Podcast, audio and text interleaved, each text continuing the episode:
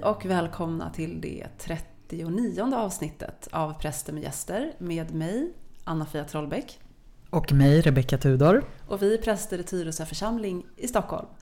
I Präster med gäster så bjuder vi in en gäst, men den gästen är sällan här. Utan gästen är någon eller något som vi är intresserade av och nyfikna på och som vi sätter oss i förbindelse med. Och så pratar vi om det som kommer upp i mötet med vår gäst. Mm. Det är ju verkligen en, en, en så här, lite lögn eller sanning med modifikation eller vad man ska säga när vi säger att vår gäst är sällan här. Ja. Jag menar fysiskt har ju sett, faktiskt gästen aldrig varit här förutom när vi pratade om oss själva. Nej. Det var den där lilla glipan. Men jag tänker att vi har det som ett intro för att vi ska ha möjligheten att någon gång bjuda in en fysisk gäst. Mm. Kanske. Precis, Mm. kanske. Mm. Mm. Man vet aldrig. Nej. Ja men det är vårt julavsnitt hörru. Ja, det är det. Är det någonting kring julen som du liksom lika gärna kan mista? Någonting som du så här, struntar i? Det här kan jag vara utan. Faktum är, jag har funderat på det här. Mm. Alltså jag kan vara utan flera saker. Både julskinkan och pepparkakorna. Ja, faktiskt båda de sakerna. Ja. Ehm, jag kan vara utan maten. Mm. Alltså jag kan äta annan mat. Okej. Ehm, Det betyder inte att det ska vara köttbullar och makaroner på julafton. Mm. Men jag behöver inte ha julbordet. Ehm, Jag behöver inte heller ha pepparkakorna. Jag Nej. behöver inte knäck heller. Nej. Behöver du glögg? Eh, nej, Nej, du gillar inte glögg. jag var lite. Mm. Ehm, Behöver du en julgran? jag behöver julgran. Men det ska vi prata om inte. Nej men ehm, jag kan vara, ja, men jag tror att det här med maten, att det inte är så viktigt för mig. Därför att jag är uppväxt i en familj där maten har varit väldigt central för hela julfirandet. Mm. Så att jag till slut, eh, till slut eh, upplevde jag i alla fall att det är det enda det handlar om. Är bara typ att alla de här rätterna ska komma på bordet. Och med då en familj som är så här, kan stressa ihjäl sig över, ehm, över det. Mm. Och bli helt förkrossade om någonting inte finns. Då Just det. insåg jag att det här struntar Så jag tror att det är en sån helt logisk reaktion på det. Mm. Ehm, Men betyder det alltså att du struntar i julmaten i år? Nej, men jag kommer att ehm, jag kommer laga någonting annat. Det kommer inte bli julbord. Du menar att ditt, e, ditt bidrag till julbordet kommer inte vara ett klassiskt bidrag till julbordet? Nej, men jag har typ aldrig bidragit med någonting till julbordet. Nej. För jag är lilla syster. Ja, ja, jag så jag har aldrig behövt det. Nej, jag är också det. Så det är väl lite den också. Alltså att man inte... ehm, Just för att det. bli vuxen Mm. i... Det har typ varit så här, ja men gör en sån här saffranspannkaka, det blir jättebra. Och sen har ingen velat äta upp den för att den liksom, vi är så mätta. Mm. Då, det tycker jag nästan är taskigt. Mm. Alltså, och det här hände alltså typ förra året. Och Mm. då är jag nästan 40 liksom. Mm. Eh, och, Nästan 40? Nej men då var jag det. Okej. Då var jag det. eh, och, och det kändes inget bra. Liksom. Det Mm. kändes verkligen inte kul. Eh, att eh, även om jag inte har haft någon så jättestor lust att laga julmat därför att jag har haft andra familjemedlemmar som har gått in med det med liksom hela sin själ. Mm. Så vad blir det ändå konstigt att inte, när, man, när det liksom inte är som att du behöver inte bidra med något. Och när du gör det så spelar det ändå ingen roll. Just det. Så det, det har jag varit, blivit, nej, det är inte så kul. Mm. Eh, så därför så spelar just den typen av mat inte så stor roll för mig. Men Mm. måltiden spelar ju roll. Just det, så, så det, delandet runt bordet är ändå viktigt. Ja men det Men det. vad exakt man äter är oviktigt. Nej precis. Och att människor ska så stressa sönder sig över det. Ja, nej men alltså det är inte bara jag som känner igen mig i din berättelse. Det tror jag inte. Eller jag menar det är ju, det är ju helt otroligt med den där stressen. Men är det inte någonting då, jag menar det är ju så speciellt i år. mm. Då inget julfirande blir sig likt. För många av oss i alla fall. Eh, jag vet jag pratade med min, eh, med min fru igår. Och hon började nästan gråta och var så här, kände ett stort vemod. Och jag frågade "Men- vad är det liksom? Hon älskar julen. Och Mm. vi brukar ofta träffa hennes familj och så ska vi inte göra det i år. Så tänkte jag att men är det det du är ledsen för liksom? Eller känns det svårt? Ja, men då var det mer som ett så här vemod över att insikten av att, för då hade vi suttit och planerat lite vår julafton och gjort ett schema för dagen och gjort en meny och sådär. Eh, att insikten om att så här, nej men nu är det vi. Det är liksom vi som är nästa generation. Nu är det vi som planerar julen. Det är ingen annan som gör det där åt oss. Utan det är vi. Att det blev som en, ja men apropå då att ha varit Mm. lilla syster eller dotter eller vad man nu har varit. Att i år när vi inte kan fira den stora julen utan fira det i ett mindre sammanhang. Så hänger det liksom på oss. Just det. Och jag tänker för dig, är det din första jul utan mamma?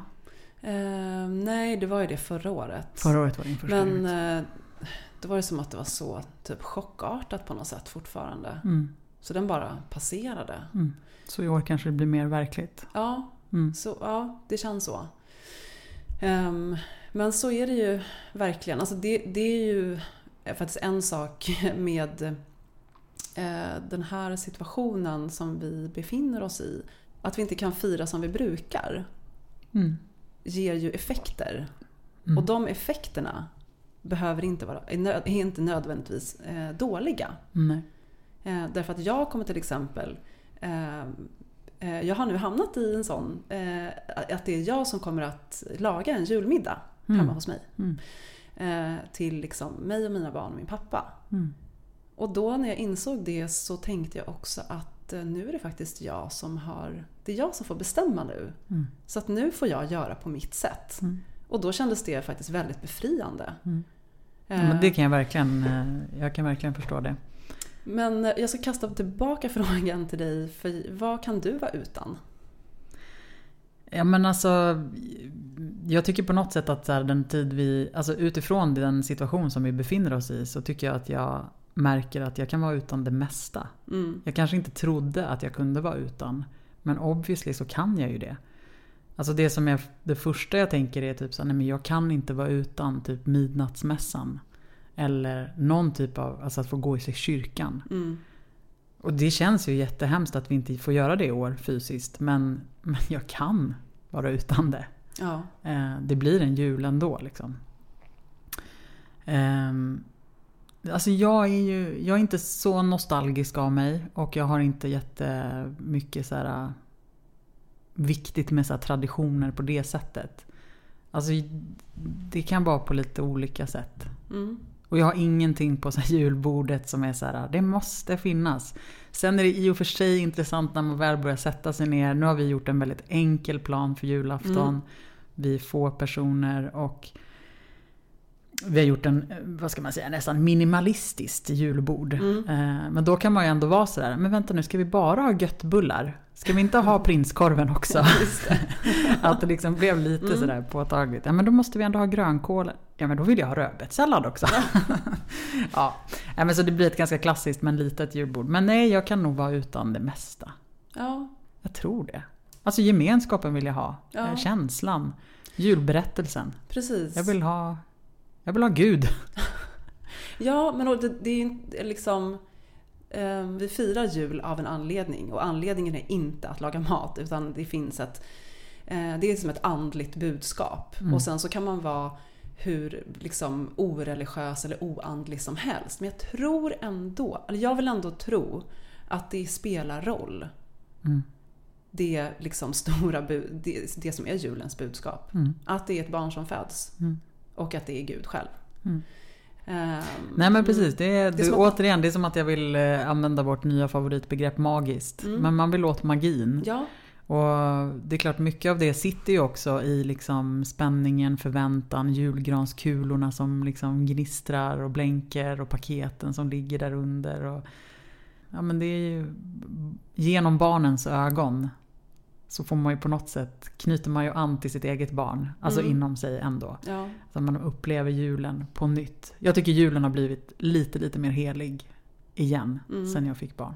Precis. Och då, vi närmar oss ju nu, vi ska bjuda in vår gäst. Mm. Eh, advent betyder ankomst. Och den ankomsten som vi väntar på är ju barnet som ska födas. Jesus som ska födas då. Eh, barnet, Jesus till exempel, eller alla andra barn, ligger ju i en eh, inkapslade eh, för det mesta i nio månader. Eh, och lever ju faktiskt ett helt liv där inne. Ehm, och ehm, det här med att det är en kropp som att en kropp kan både tillverka eh, ett liv och bygga upp det är ju, eh, tycker jag i alla fall, det är typ lika fascinerande som rymden. Mm. Ehm, och att Gud då blir till och så växer i en livmoder. Eh, som vi alla har gjort. Liksom. Det är ju svindlande. Så livmodern då, det är vår gäst idag. Mm. Mm.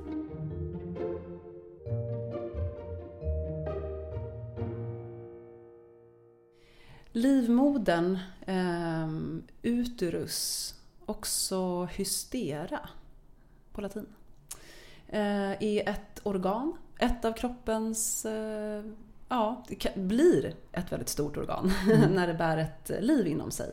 Men det är ett organ i bäckenet i kvinnokroppen. Och livmoderns uppgift är då att eh, rymma och livnära fostret under graviditeten fram till förlossningen. Livmodern är en muskel. En fantastisk muskel. Mm. Det vi ska prata lite om då Mm. idag ehm, är ju om, att, att ha, eh, om livmodern som gudsbild. Om livmodern som källa till liv och vad det gör med oss som bär en livmoder. Eh, egna erfarenheter av att bära liv. Mm. Och eh, kanske också, ja men det är svårt att undvika att också inte prata om blodet. Mm. Mm. Vi kommer röra oss där. Mm. Mm. En intressant iakttagelse som jag gjorde. När jag bara eh, skulle googla på, jag googlade på livmodern för att bara hitta en så här, bara, jag vill bara ha en så här enkel definition. Mm. Livmodern Inte är, för kliniskt. Nej, liksom. bara Mm. livmodern är två meningar. Mm. Eh, Det var svårt. Mm. Eh, För det blev, dels så blev det alldeles för eh, medicinskt. Mm. Eller så var det bara sidor kopplade till sjukdomar. Mm. Sjukdomar kopplade till livmodern. Just det. Det var min erfarenhet också. Jag Mm. googlade också. Det var jättemycket kring olika cancerformer som man Mm. kunde få i livmodern. Inte så här, eh, träff tre. Livmodern är en fantastiskt organ i kroppen. Mm. Bla, bla, bla, bla, bla. den fetaste muskeln. Precis. Mm. Utan, ja, nej, det... Ja, Nej, det borde ju vara det borde ju vara de första, det första som dyker upp när man söker. precis. Inte att livmoder nästan är som att det är någonting farligt. Mm. Att det är farligt att ha en livmoder för att man kan bli väldigt sjuk Mm. och typ dö. Om man får livmoderhals. Att det är väldigt farligt att få livmoderhalscancer. Så att det är tråkigt att det är eh, sjukdomar kopplade till livmodern. Mm. Eh, när man eh, söker på det. Inte för att liksom underskatta och undervärdera alla de sjukdomar som man kan få. Men det borde Nej, nej. inte vara det första som dyker upp. Nej. Utan det borde vara, handla mer om livet än om döden. Ja, ja men precis.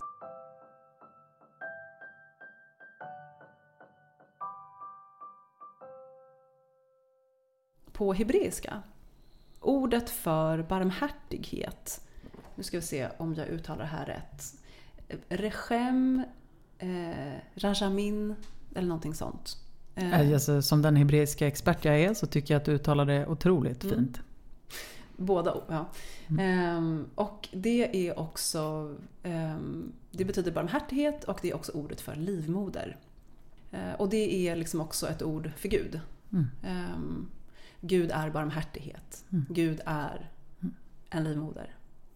Ehm, Det är så fett. ja, det är så coolt. Och det är ju väldigt sällan vi använder, vi, vi hör ju väldigt sällan just den gudsbilden. Att Gud är som en livmoder. Nej. Men det är ju egentligen den mest träffsäkra bild och uppfattning av vem Gud är. Tycker jag. Jag tycker också det. Jag, fick en så här, jag- satt och funderade på det här och så tänkte jag så här att ehm, så här, hälften av jordens befolkning har, alltså genom mänsklighetens historia, menstruerat, blivit gravida och fött barn. Liksom. Ehm, Okej, inte alla de individerna, men om man bara Potentiellt. Precis. Och då, så att människan kan ge liv och livmodern är ju central i livgivandet. Och vi pratar om en livgivande gud. Men vi använder inte livmodern som gudsbild. Mm. Alltså inte som en självklar gudsbild i alla fall. Eh, utan då är det mer naturligt, verkar det som, Mm. genom historien och även idag, att använda bilder då som svärd, borg, klippa till Mm. exempel. Alltså tre ting, Mm. tre så livlösa saker, det. är alltså mer, har blivit typ mer naturliga och så vanliga gudsbilder än eh, det, liksom, det som faktiskt ger liv. Mm. Som alla eh, däggdjur har en livmoder. Mm. Ehm, alltså alla hondjur då. Ehm, För att vara väldigt precis så, så att ingen blir missuppfattar. Precis. Mm.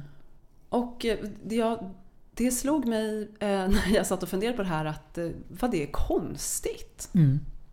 Är inte det himla märkligt? Vi pratar om en livgivande gud. Mm. Men vi pratar inte om Gud som en, men vi använder inte livmodern som en gudsbild.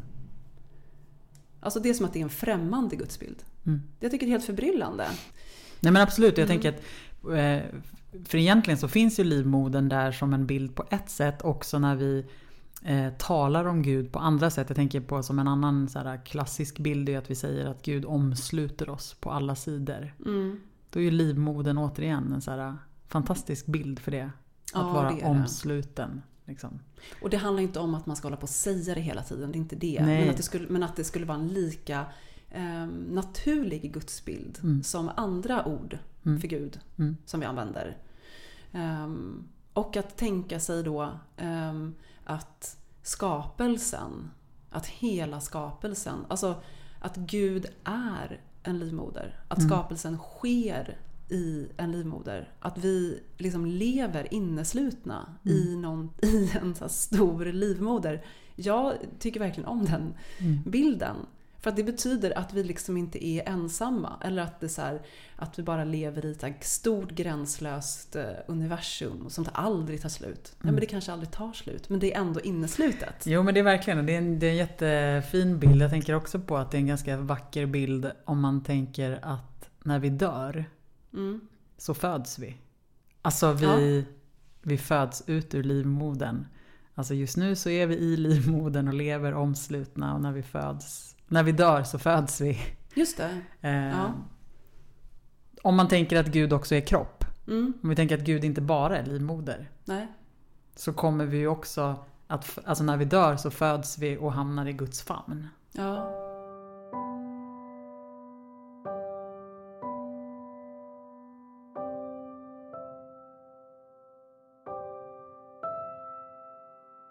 En människa som ligger för döden, det är ju väldigt likt att föda barn.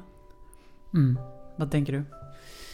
Ehm, ja men dels, eh, jag typ tänker på när min mamma dog till exempel. Jag, det, det var typ, det, jag satt och tänkte på det nästan hela tiden. Mm. Alltså att, ehm, liksom att man ska ta hand om den som dör, det ska vara så lugnt. Och, så jag satt och klappade henne och sa att allting var bra. Mm. Och liksom, att hon var lite orolig. Att man är rädd. Mm. Alltså, Mm. eh, man kan ju få jättestark ångest liksom, när man ska föda barn. Man kan bli jätte, jätte, jätterädd. Mm. Ehm, och hon blev också det. Eller så här, ehm, och att det var just det här liksom, man vill ha det så fint och så bra som möjligt. Mm. Och sen för att man ska liksom lämna, att, att, och att man ska släppa taget. Mm. Exakt. Som ju också att föda barn handlar också om att släppa, att våga liksom släppa taget.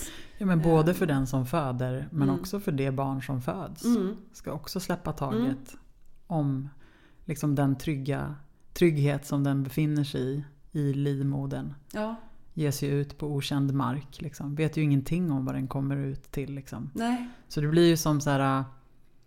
Det blir ju som att vi blir små mini-universum. Mm. Liksom, den egna kroppen. Eh, med liksom vår egen livmoder. Mm. Med liv som finns kanske. Eller Mm. barn som ligger där inne. Och som föds och på ett sätt dör. Från det tidigare livet Mm. in i livmodern. Och på samma sätt om man föreställer sig att vi lever i Guds livmoder. Och så Ja. kommer vi ju inte födas, eller när vi dör så föds vi ju inte ut i intet. Nej, Utan, vi föds in i någonting nytt. ja. Mm.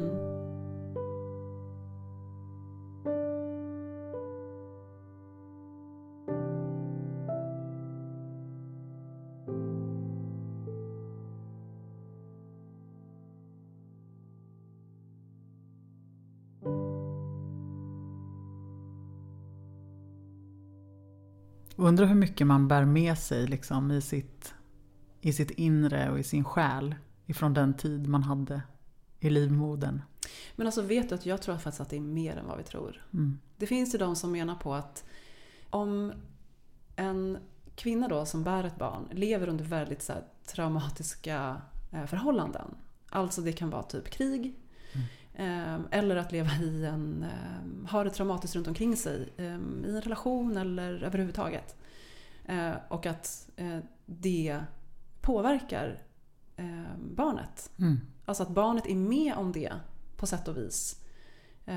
Därför att det hör så mycket. Mm. Det upplever också. Eh, och det, eh, ja, men till exempel som barn som föddes precis efter andra världskriget. Alltså att de var liksom verkligen traumatiserade Mm. av att det de hade upplevt fast i än att de låg i, i magen. Liksom. Mm.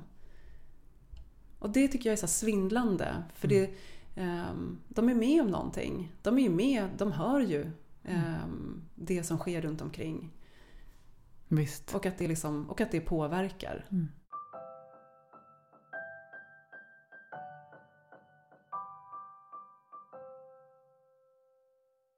Jag håller på att läsa en bok som heter Theology of the Womb, alltså livmoderns teologi. Eh, och eh, författaren till den boken som heter Christy Angel Bauman, eh, hon skriver bland annat då att i ehm, så här, mesopotamisk tro så liksom ser man livmodern som en springkälla. Mm. Eh, En springkälla är alltså då en, en, underjordisk eh, källa. Och när vattentrycket blir för eh, högt så det är därför det kallas för springkälla då, för att Mm. då sprutar vattnet upp ur jorden. Eh, och, att, och då eh, menar hon på att man skulle kunna se att man också då såg liksom kvinnans eh, mensblod som en springkälla. Och att det är då så här ett tryck som... Eh, och, att det, och att mensblodet då är Gud som så här spiller över. Mm. Just det, och på vilket liksom, eh, det är en underbar bild. Men, eh, eller liksom, kan du utveckla den mer? Ehm, Alltså mer liksom, vad betyder det att här, Gud spiller över? ja men att det finns kraft i blodet. Mm. Ehm, och att vi ju genom historien ehm, ser som mensblodet kulturellt har varit ett sånt, och är ett sånt starkt negativt tabu. Mm. Och att det oftast ja, men att det liksom förknippas med liksom orenhet. Mm. Att det är någonting som verkligen är vår kultur. Det är någonting som vi ska skyla, det är någonting som man skäms för. Mm. Det är någonting som, man, som bara är ett besvär. Mm. Liksom. Men, men att blodet historiskt, mensblodet då, har ju haft en väldigt så här, positiv och där man har liksom sett att det finns en otrolig kraft Mm. i blodet. Ehm, och då den här bilden då som med blodet som så här, Guds, eh, Mm. som att alla då så här, menstruerande kvinnor är så här, Guds springkällor på jorden. Det är underbart. och, så den här, och särskilt då också så att just blodet som rinner ut. Mm. Att det ju verkligen också är liksom att det, är- att det finns en väldig kraft i det. Mm. Att det är någonting positivt. Det är så jävla fett att tänka att nästa gång som, som du så upptäcker lite mensblod i, som har liksom gått igenom till byxan Mm. eller ser trosorna så här, istället för att tänka att så här, åh nej vad äckligt eller så, här, så ska du tänka att det är, så här, det är Guds kännetecken. Alltså det är Gud som springer igenom dig liksom. och bara vittnar om livet som finns och livets kraft. Ja men vi behöver ju bilder för att förstå Ja. vem Gud är. Eller liksom ha, ja, men vi behöver ett språk liksom. Mm. Och då känns det så fint att tillsammans med dig få liksom hitta, ett, eh, hitta tillbaka till ett nytt språk som ju inte vi har hittat på utan som så finns i vår Mm. tradition och i vår historia. Eh, men vi reclaimar det liksom. Alltså det känns fett att få Ja, jag tycker- utforska det tillsammans. Ja, Mm. och att det verkligen är en påminnelse Mm. om liv. Mm. Ja, ja att, visst. att det är... Jo men och det är ju det en, Mm. annars så kan ju blod väldigt lätt snarare få en att påminnas om död. Mm, Eh, men i det här fallet, alltså mensblod. It's all life. Liksom. exakt. Eh, det är visserligen en sanning med modifikation om, man, om jag bara nu tänkte på liksom missfall och liksom där får ju ändå blodet en annan typ av Det, mm, liksom känslomässig eh, det blir inte känslomässigt en känsla av att det är bara fett med liv. Nej, men, precis. Men här är det ju då just mensblodet. Mm. Ehm, Ja precis, just det. Mm. Just det, just det. Just det då man får missfall är det inte mensblodet då utan det är vadå, vad, vad är för skillnad på blodet? Det är väl blod som blod. Ja, men jag tänker då att det är ett liv, man förlorar ju det livet. Eh, men om man just bara ser till så här själva menscykeln, Mm. liksom, tror jag. Mm. Ja. Men, men det är ju, ehm, precis, och då tänker jag att med blod i kyrkan Mm. tänker, eh, man kanske tänker lätt på korsfästelsen. Mm. Ehm, Jesus på korset, Jesus som dör. Mm. Ehm, och det är ju döden. Liksom. Men i andra änden i, eh, så har vi ju födandet. Mm. Att det är Jesus som föds. Och när man föds så kommer det ut blod. Mm. Och när Jesus Och Dör, vatten. och vatten. Och när Jesus dör eh, så är det också blod och vatten med Mm. i de två scenerna. Mm. Och de, liksom hänger, alltså de hänger liksom ihop. Mm. Och vi pratade lite innan om att, eh, att under liksom, inför julen och under julen så pratar vi mycket i kyrkan om så här, Gud föds och det är krubban och barnet som föds. Men att jag typ känner att det är så här någonting som fattas liksom i... Mm. Och det är väl kanske det att vi liksom inte... Ja, men vi sa ju det att vi, det, vi, det vi saknar är blodet. Ja, Alltså det är ju för att Mm. det blir lätt väldigt så här eh, gullifierat. mm, Alltså det blir så sött med det lilla barnet i krubban. Det är för att vi hopp, man hoppar över hela, hela berättelsen, alltså hela födandet. Ja. Men vi har ju också hoppat över den teologiskt. Ja. Alltså, eller också, också i när vi man ska predika över det eller liksom Mm. ha betraktelse kring det. Så hoppar vi ju också över det. Exakt. För att det står ju ingenting om det. Nej. Eh, Men det är ju så självklart. mm, Alltså, så därför borde vi verkligen prata mer om mm, Okej, yes, Gud blir människa men alltså det skedde ju genom en förlossning. ja. Men jag tänker också att det gör någonting Alltså att, att, före, att tänka på eh, förlossningen som en helig rit. Mm, Alltså det är ett sakrament. Det är liksom en helig handling. Det är ju någonting Alltså att gå in med, med den, det kanske man gör. Jag har ju aldrig burit ett barn och inte heller varit med om en förlossning. Så det kanske är liksom det naturliga tillståndet att hamna i någon typ av helig närvaro. Det vet jag inte. Men om inte annat så tänker jag att det verkligen är en kraft att bära med sig det. Att det jag gör, alltså oavsett tro eller icke-tro liksom. Men att så här, det här är mäktigt som tusan. Alltså jag kan ge liv. Och det vittnar om Guds löfte att ge liv. mm, Sen kanske man inte tror på Gud men liksom ändå bara känna den, den powern i liksom. Mm. Vad en, en, en kropp har förmågan att liksom göra.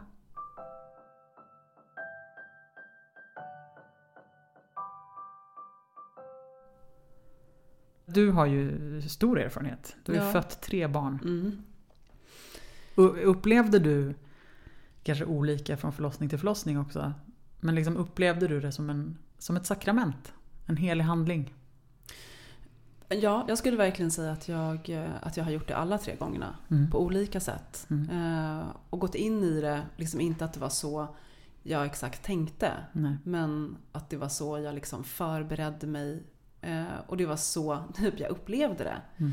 Eh, men, men inför min sista, tredje graviditet eh, och den förlossningen, då valde jag ju att föda hemma. Mm. Det var som en planerad, planerad hemförlossning. Och i förberedelserna inför det, då eh, klev jag ju verkligen någonstans ut på en så här alternativ arena. Mm. Ehm, och i den sfären ehm, så, så, är det ju, så hittade jag jättemycket kraft. Mm. Och jättemycket liksom spännande böcker. Ehm, och Mm. som verkligen fokuserar dels alltså den här liksom spirituella, andliga aspekten av att föda. Mm. Eh, och vad kroppen kan. Alltså det händer någonting så otroligt eh, liksom, starkt och Mm. djupt. ehm, I liksom att, att barnet kommer ut Mm. och sen så får man mötas. Och typ allt är på ett sätt så här likadant men också helt annorlunda. Och att vara, den stund, att vara i det Mm. de där liksom vacklande liksom timmarna kanske någon vecka efter. Mm. Det är ju att vara väldigt nära. Alltså det är som att den där barriären mellan en, mell- mellan liksom, som att porten är helt öppen till himlen. Mm. Det gudomliga är liksom i en. Alltså det är så häftigt. Ja, nej, men du, du har ju verkligen Mm. Det är, väldigt, det är alltid så fint att höra dina, alltså dina förlossningshistorier för att du också har en sån ja, men så himla bra erfarenhet. Mm. Eller hur? Ja, jag, och, eh, nu, jag tänkte på det också tidigare, för några år sedan. Då sa jag eh, så här, att jag tänker på någon av mina förlossningar varje dag. Mm. Och så insåg jag idag att eh, gud, det har inte jag gjort Nej, på länge. nej. Men under liksom, Lång tid. ja. Mm. Och den kraften som det har liksom gett mig. Mm. Och då har jag ibland också tänkt att har man en väldigt jobbig upplevelse. Mm. Alltså det blir på något sätt liksom lika starkt fast åt andra hållet kanske. Ehm, och att det är så synd i Mm. sådana fall. Men att det, att det har genererat Ja men det tänker jag verkligen. Att man har med en, med en positiv erfarenhet så, så ger ju det kraft i hela ens känsla av att så här, jag är stark, jag klarar det här, jag klarar Mm. allt. Jag klarar faktiskt allt. Eh, jag har lyckats föda fram ett liv. Men om man inte får uppleva det av olika anledningar och komplikationer eller som gör att det inte blir den där förlossningen som man kanske har föreställt sig eller drömt om eller längtat efter. Mm. Att få känna att man är ett med sin kropp kan ju snarare, precis som du sa, leda till att en känsla av att min kropp duger inte. Mm. Alltså jag duger inte. Alltså jag är, ja, men till och med känslor av värdelöshet. Liksom. Jag lyckades inte föda fram mitt barn. Liksom. Nej, jag kunde inte precis. ge mitt barn den start den skulle få. Mm. Eller. Och samtidigt, jag tror verkligen att man kan läka. Det tror jag Ehm. också. Det tror jag också. Jo, men jag har ju egen erfarenhet av det. Mm. Även om det inte är min kropp. Men vi har ju ett barn. Men som inte... Som ju snarare hela den graviditeten var ju så förknippad med ganska mycket rädsla. Eh, för att det var mycket komplikationer och det var mycket blod eh, under hela resans gång. Liksom, Mm. Eh, som inte nödvändigtvis kändes där och då så livgivande med det blod som kom ut. För att det skapade rädsla varje gång att vi förlorade vårt barn. Mm. Och sen så hamnade ju min fru på antenatalen. Den tiden man ska ligga och vänta på att eh, verkarna ska komma igång. Och då kom vi in i vecka 25 för att vattnet gick. Mm. Eh, och då visste vi ju inte om vårt barn skulle födas liksom, inom en vecka. Eller skulle vi bli liggande där i tre månader tills hon var fullgången. Mm. Ehm, och sen så kom ju verkarna i vecka 26. Och sen så fick hon ju göra ett urakut snitt istället. För att ja, han var för liten. Han var ju Mm. som ett litet smörpaket när han föddes. Ehm, och då tänker jag att ja, som sagt det var inte min kropp. Men jag vet ju vad det, har gjort, vad det gjorde med henne och hennes känslor inför liksom, att det fanns så mycket förväntningar och längtan och, som inte uppfylldes. Eh, och att det tog lång tid att bearbeta. Liksom. Mm. Men tiden på sjukhuset gjorde ju att, att även jag fick på något sätt vara med om vårt barn i kuvös. Vilket ju blev som en livmoder fast en väldigt apparatliknande livmoder med, med slangar och Just det, och värme och så va? ja, precis. Ehm, Nej men precis för att, eh, eh, så, för, precis, för du fick ju ändå bära mm, barnet då. precis, jag Du fick fick bära honom Ja. när han var pytte, pytte, Ja. pytteliten. sitta känguru Mm. flera timmar varje dag. Ha den här lilla, lilla kroppen Mm. mot bröstet. Ehm, mm, det var som att det så pumpade in liv i honom. Ja. Så här, er närhet. Det är väldigt det fascinerande. Det är det verkligen. Och så, så självklart på så många sätt mm. också. Mm. Att det är så. Mm. Det är ju det vi behöver resten av livet också.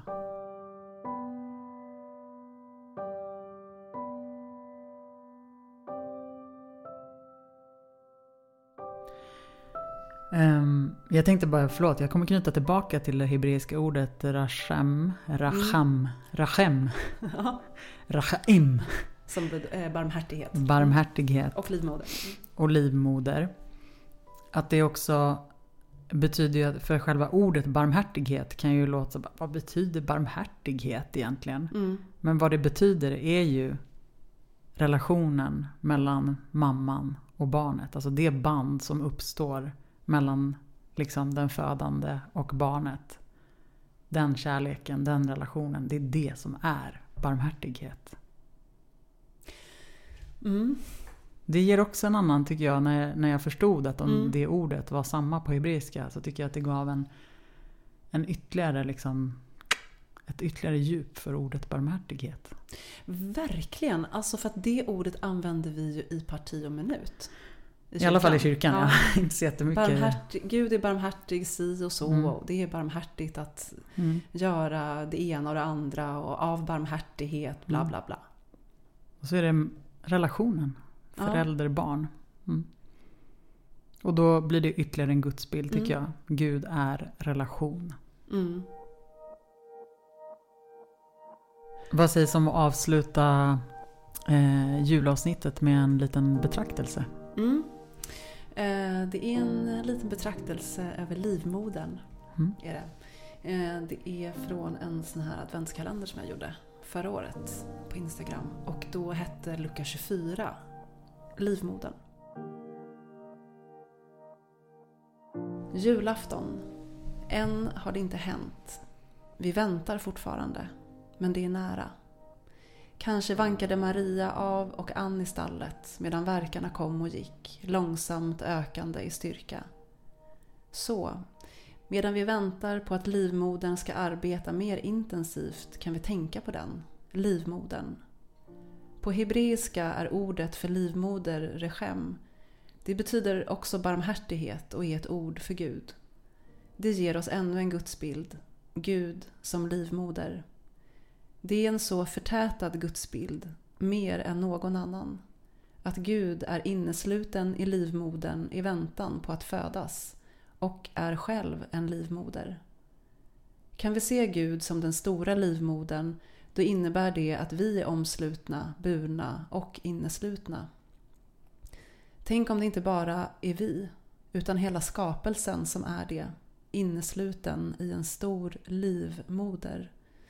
Då är vi för evigt burna, för evigt omslutna, för evigt älskade. Inte utelämnade till ett tomt och kallt universum utan slut, utan evigt inuti, evigt i värme, evigt i kärlek. Det är jul. I moderns och sonens och den heliga andens namn. Amen. Amen. Det är obegripligt egentligen. Ja, Att det inte är Gud som mamma. ja, Gud som mor, Ja. Gud som moder. Mm. Utifrån det vi pratar om. Mm, det är det. Det är det. Men vi jobbar på det. Vi jobbar på det. Det gör Mm. vi. Eh, mm, får jag önska god jul, eller hur? Ja, Mm. Precis. Vi önskar våra lyssnare en god jul. Mm. Tack för den här hösten. Nästa avsnitt kommer faktiskt 2021, men redan på nyårsdagen. Just Så det. första januari så kommer en liten nyårskrönika. Mm. Mm. Det kommer bli Det kul. blir ingen tydlig gäst kanske. Ja, det blir året 2020 som blir vår gäst. Precis. Kanske. Nyårsdagen är vår Mm. gäst. Mm. Ja, men god jul, välsignad jul, ta hand om varandra.